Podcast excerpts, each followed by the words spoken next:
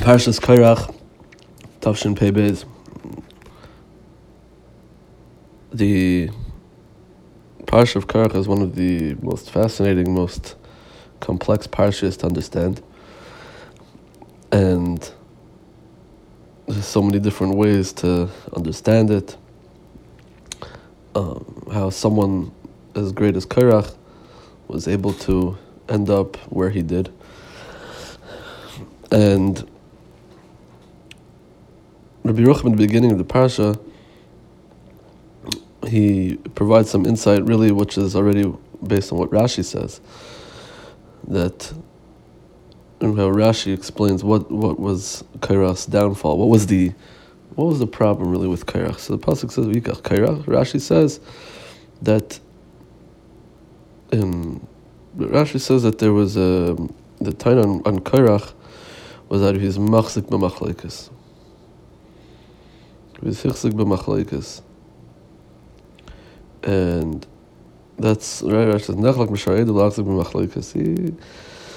This is what separated Korach to to to continue to to stay, you know, to, to insist on being on, on being chaylik on Moshe Rabbeinu, to insist on this machlekes, to to be adamant about it and you know let it continue and let it boil over. Now uh, we all know there's a famous memory Pirkei Avos. Chazal say kol machlokes shi l'shem shamayim sefer l'skayim v'shein l'shem shamayim ein sefer l'skayim. And the Mishnah there continues. It says ezi machlokes whatever's a mach, every any machlokes that's l'shem shamayim is sefer l'skayim. It'll it'll last. It'll have a lasting. Um, a lasting uh, impression, a lasting part of of of Klal Yisrael, which in, in a good way, right? That uh, Sefer sky, it'll be it'll be held up. V'shein l'shem shemayim Sefer sky, it won't hold up. It'll, it'll everything will fall apart, and uh, it'll just end up with with problems. And then the Mishnah continues: Ezi machlekes shil shemayim which is a machlekes, which is an example. What's an example of a machlekes that was considered l'shem shemayim? Zu machlekes Hillel v'Shamai. That's the machlekes we know between Hillel and Shammai. All the machlekes that they had, well, which really they didn't have themselves that many. They but the Beis Hill and Beis Shammai, the Talmidim of Hillel and Talmidim of Shammai also continued on. I'm not sure if that's uh, Mishnah means to include those. Mistam it does. What's a machlekes? An example of a machlekes she'en l'shem shemayim is a machlekes of Korach and his Ada and his uh, congregation, his uh, people. So Yerucham says,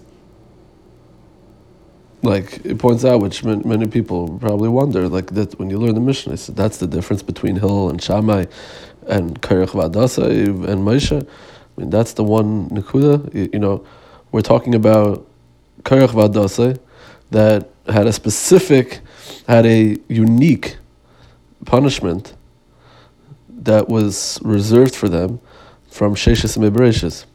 Right? The Piaretz, Hashem said, created a special Bria. The Piaretz, obviously, it's not like, you know, a regular sinkhole or anything like, you know, that can happen nowadays. It was a unique Bria.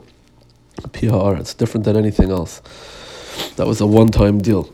And that happened specifically for Korach Vadasa and Mishunadik Einish that they had, right?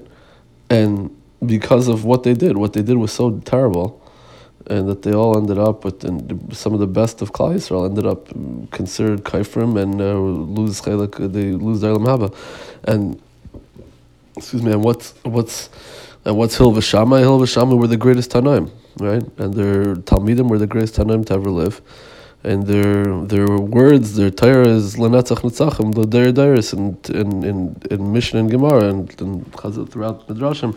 So how do you how do you compare the two? That's the difference. The difference is that. Uh, you know, uh, there one's with lishma, one was shalei lishma. That's that's it. I mean, they were we're talking about two drastic different scenarios, two drastic different stories that happened, and the only difference you can find is one was shalei lishma, one was lishma. Okay, You'd think that that's that's a pretty, you know, a pretty. I mean, it's not a negligible difference, but it's not. You know, how much of a deal should we make of that? Right? You would think there's much greater of a difference between the two machlekes. And Yerucham says that what you see is is that what exactly the machlekes was, Korach and, and Klais on the rest of Klai Moshe. It wasn't just a regular machlekes of kavod and what people think. Now, obviously, there was that element there as well, uh, not to, but but it wasn't just a plain machlekes of kavod and who gets to be on the letterhead. That wasn't the machlekes. The machlekes was the way it started off with was that it's a machlekes of of of mitzvahs, of machlekes of of tremendous uh, chuka in, in Yerushalayim and and and his to the to Kadosh Baruch Hu. and Korach had his tinus and and and and he came with his mahalach, and why he should why he would, should be right, and obviously Moshe Rabbeinu on the other side, and the, but the the the the, the goal the element the matar of the machlekes the point of the machlekes was not for cover. The point of Machlekes was Yerushalayim to, to, um, to a tremendous degree. And that's what the Vadasi wanted. They wanted to be like the Kehanim. They wanted to be, they wanted to be, they wanted to have a Kirva to Kadosh Baruch Hu that only the Kehanim had. And only Aaron and his family had. And they were upset about it. They, it burned in them to, to be on those, those madrigas and to have that, to have that opportunity. And the problem was that there was an element of Shaloi Lishma involved. Yerucham says he talks about later. There was an, definitely an element of Shaloi Lishma involved there. And that Shaloi Lishma took them way off the beaten track. To the point that they, ended up in PR, it's they ended up without a Chelik Balamaba, a unique and and harsh einish that's a limud for, for us Ladairis. That's what ended up happening because of the Shaloi Lishma element that was in there in, that was mixed into their taina, which was at, which seemed to be uh, and and really was a, a valid taina, or it was or not valid that they were right necessarily, but valid because that where they were coming from and what they wanted to do. And you know their chuka, their their bikush for for Yerushalayim, which is incredible. But because of the lishma element involved in the machlekes, it completely took them off and that's that's an incredible limud. And that's unique to machlekes, what you don't find by other Torah mitzvahs. He says, right, we know that the the Gemara says, Gemara, the Pesachim, the Gemara says, "La'olam yasek adam b'Torah mitzvahs afal pisha lishma." A person should always learn a famous Mamar Chazal. Gemara says a person should always learn Torah and do mitzvahs, even if it is shalei lishma even if there is some sort of covet in them or some personal gain in them or some, you know, you'll uh, whatever it is mixed into that. There's kavanas in there that you know lemaisa. It's not really for the Baishlam and Gansen. It's not totally for the Baishlam that I'm doing this. There's uh, you know. Uh, uh, even if it's for a good thing, I learn well. I'll, uh, you know, I'll get to good yeshivas, or I'll have a, you know, make a good shidduch, or I'll uh, do this mitzvah. And people will look at me that maybe, you know, there is, you know, deep down there's an element of lishma or maybe even not so deep down, it's okay, says the Gemara, because if you, you start on that way, eventually you'll get there. You get to get to Mitzvah you'll get to, to Lishma. Machlekes is not like that. Even Machlekes for mitzvahs and Torah mitzvahs, if there's an element of Shalai Lishma in there, got, goodbye. Then that's a disaster. That's, you're asking for trouble. Machlekes is different than everything else. Even Machlekes for Torah mitzvahs, Machlekes right? That's when that, that's that, that's something we don't do. And if you do that, you end up in a bad place. And that's what the Mishnah in Avos is telling you. You want to know what what machlekes, what separates and what happens to machlekes that's you know that's that's full of Yir Shemaim, and one that's not Yir Shemaim, right? One that machlekes was L'Shem Shemaim, one's Shalei L'Shem Shemaim.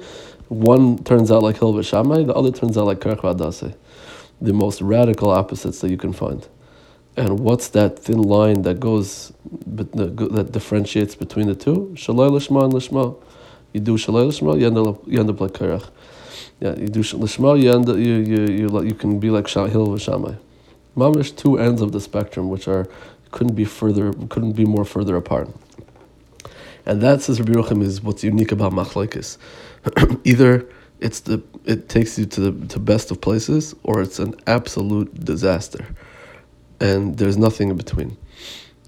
And the dif- the difference is what differentiates the two is lishma and shaloi lishma, and there's no mahalach, there's no way to get to that lishma through shaloi lishma. It's either starts off and continues throughout as being lishma, or it's or if there's any shaloi lishma there, then it's shaloi lishma. There is no mitoch shaloi lishma balishma. It's not like listen, you know, let's argue about this pshat in the Gemara, or let's argue about, you know, what we should do, or how to fear zechin halacha, or how to fear zechin hashkafa. Let's argue about that, and all uh, because and then if there's some sort of element of shaloi lishma in your mind, or in whoever's mind, then. Uh, then then you know okay fine but lemaisa the for the most part there's a lishma aspect here no doesn't work like that you don't if there's a shalai lishma involved and who can know who can know you know who can know in a machlekas who can say that whatever the machlekas is who can say that their machlekas is entirely shem shemaim? And that's really why all the Gedalim and Balimus, everyone says, you know, Chazal, you run away from, back to Chazal, you run away from Machlekes as far as possible because whoever knows, who can say that their stance that they're taking in a Machlekes is entirely Lishma? You never know. Now, obviously, there's a time to argue, there's a time to, to stand up for what's what you think is right and for what is right and for what's correct.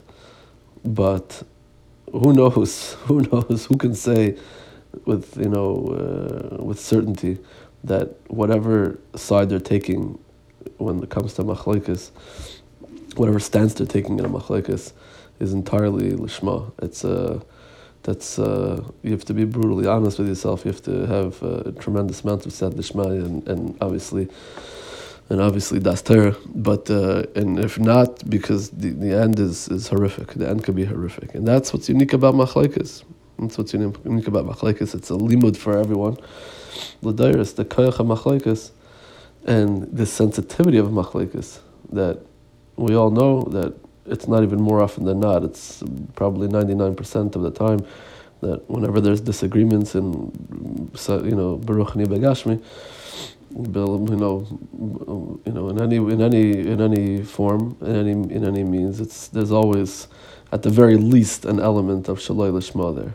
And if that's that exists, then says Biruchim, and uh, you know you're you're on the wrong side of history. If you're going to go down that route, you're going to choose that path of being of being machzik b'machlekes shaloi lishma. You can end up like Korach Vadase, which is a lav. it's a lav to, to an actual to an actual lice, I say. Not to be machzik and machlekes. You're not allowed to be Korach Vadase and uh, we, we would all do well with taking some some some lessons from this.